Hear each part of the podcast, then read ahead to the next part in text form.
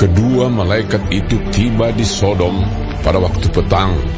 Lot sedang duduk di pintu gerbang Sodom dan ketika melihat mereka, bangunlah ia menyongsong mereka, lalu sujud dengan mukanya sampai ke tanah. Serta berkata, Tuhan, Tuhan, silakanlah singgah ke rumah hambamu ini. Bermalamlah di sini dan basuhlah kakimu maka besok pagi tuan-tuan boleh melanjutkan perjalanannya.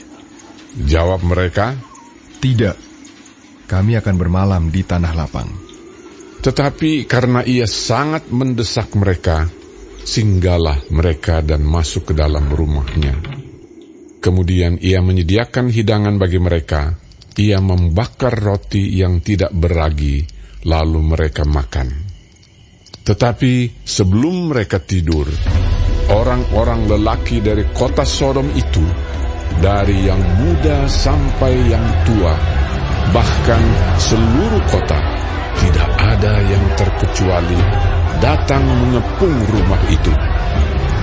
Mereka berseru kepada Lot, Di manakah orang-orang yang datang kepadamu malam ini?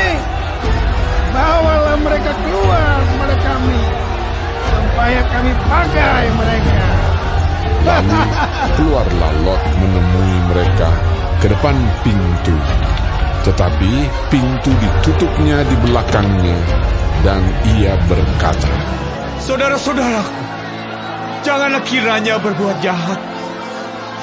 Kamu tahu, aku mempunyai dua orang anak perempuan yang belum pernah dijamah laki-laki. Baiklah mereka aku bawa keluar kepadamu Perbuatlah kepada mereka seperti yang kamu pandang baik. Hanya jangan kamu apa-apakan orang-orang ini. Sebab mereka memang datang untuk berlindung di dalam rumahku. Tetapi mereka berkata, Hanyalah lagi kata mereka, orang ini datang ke sini sebagai orang asing dan dia mau menjadi hakim atas kita. Sekarang kami akan menganiaya engkau lebih daripada kedua orang itu. Lalu mereka mendesak orang itu, yaitu Lot, dengan keras, dan mereka mendekat untuk mendobrak pintu. Tetapi kedua orang itu mengulurkan tangannya, menarik Lot masuk ke dalam rumah, lalu menutup pintu dan mereka membutakan mata orang-orang yang di depan pintu rumah itu, dari yang kecil sampai yang besar, sehingga percumalah orang-orang itu mencari-cari pintu. Lalu kedua orang itu berkata kepada Lot, Siapakah kamu yang ada di sini lagi? Menantu atau anakmu laki-laki? Anakmu perempuan? Atau siapa saja kaummu di kota ini, bawalah mereka keluar dari tempat ini. Sebab kami akan memusnahkan tempat ini. Karena banyak keluh kesah orang tentang kota ini di hadapan Tuhan. Sebab itulah Tuhan memutuskan untuk memusnahkannya. Keluarlah Lot, lalu berbicara dengan kedua bakal menantunya, yang akan kawin dengan kedua anaknya perempuan Katanya, Bangunlah, keluarlah dari tempat ini. Sebab Tuhan akan memusnahkan kota ini. Tetapi ia dipandang oleh kedua bakal menantunya itu sebagai orang yang berolok-olok saja. Ketika Fajar telah menyingsing, kedua malaikat itu mendesak Lot supaya bersegera. Katanya, Bangunlah, bawalah istrimu dan kedua anakmu yang ada di sini, supaya engkau jangan mati lenyap karena kedurjanaan kota ini. Ketika ia berlambat-lambat, maka tangannya, tangan istri dan tangan kedua anaknya dipegang oleh kedua orang itu, sebab Tuhan hendak mengasihani dia. Lalu kedua orang itu menuntunnya keluar kota dan melepaskannya di sana. Sesudah kedua orang itu menuntun mereka sampai keluar, berkatalah seorang, Larilah, selamatkanlah nyawamu. janganlah menoleh ke belakang. Dan janganlah berhenti di mana pun juga di lembah Yordan. Larilah ke pegunungan, supaya engkau jangan mati lenyap. Kata Lot kepada mereka, Janganlah kiranya demikian, Tuanku. Sungguh hambamu ini telah dikaruniai belas kasihan di hadapanmu. Dan Tuanku telah berbuat kemurahan besar kepadaku. Dengan memelihara hidupku. Tetapi jika aku harus lari ke pegunungan, pastilah aku akan tersusul oleh bencana itu. Sehingga matilah aku. Sungguhlah kota yang di sana itu cukup dekat kiranya untuk lari ke sana. Kota itu kecil. Izinkanlah kiranya aku lari ke sana. Bukankah kota itu kecil? Jika demikian, nyawaku akan terpelihara. sahut malaikat itu kepadanya. Baiklah, dalam hal ini pun permintaanmu akan kuterima dengan baik. Yakni kota yang telah kau sebut itu tidak akan kutunggang balikan. Cepatlah, larilah ke sana. Sebab aku tidak dapat berbuat apa-apa sebelum engkau sampai ke sana.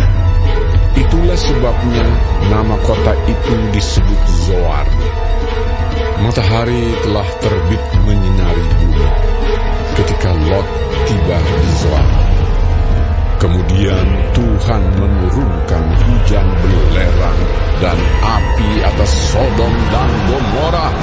berasal dari Tuhan dari langit. Dan ditunggang balikannya lah kota-kota itu dan lembah Yordan dan semua penduduk kota-kota serta tumbuh-tumbuhan di tanah. Tetapi istri Lot yang berjalan mengikutnya menoleh ke belakang lalu menjadi tiang garam. Ketika Abraham pagi-pagi pergi ke tempat ia berdiri di hadapan Tuhan itu dan memandang ke arah Sodom dan Gomora serta ke seluruh tanah lembah Yordan, maka dilihatnyalah asap dari bumi membubung ke atas sebagai asap dari dapur peleburan. Demikianlah pada waktu Allah memusnahkan kota-kota di lembah Yordan dan menunggang balikkan kota-kota kediaman Lot, maka Allah ingat kepada Abraham, lalu dikeluarkannyalah Lot dari tengah-tengah tempat yang ditunggang balikkan itu. Pergilah Lot dari Zoar dan ia menetap bersama-sama dengan kedua anaknya perempuan di pegunungan, sebab ia tidak berani tinggal di Zoar. Maka diamlah ia dalam suatu gua beserta kedua anaknya. Kata kakaknya kepada adiknya, Ayah kita telah tua, dan tidak ada laki-laki di negeri ini yang dapat menghampiri kita seperti kebiasaan seluruh bumi. Marilah kita beri ayah kita minum anggur, lalu kita tidur dengan dia, supaya kita menyambung keturunan dari ayah kita. Pada malam itu mereka memberi ayah mereka minum anggur, lalu masuklah yang lebih tua untuk tidur dengan ayahnya. Dan ayahnya itu tidak mengetahui ketika anaknya itu tidur dan ketika ia bangun. Keesokan harinya berkatalah kakaknya kepada adiknya, Tadi malam aku telah tidur dengan ayah. Baiklah malam ini juga kita beri dia minum anggur. Masuklah engkau untuk tidur dengan dia, supaya kita menyambung keturunan dari ayah kita. Demikianlah juga pada malam itu mereka memberi ayah mereka minum anggur. Lalu bangunlah yang lebih muda untuk tidur dengan ayahnya. Dan ayahnya itu tidak mengetahui ketika anaknya itu tidur dan ketika ia bangun. Lalu mengandunglah kedua anak Lot itu dari ayah mereka. Yang lebih tua melahirkan seorang anak laki-laki dan menamainya Moab. Dialah bapa orang Moab yang sekarang.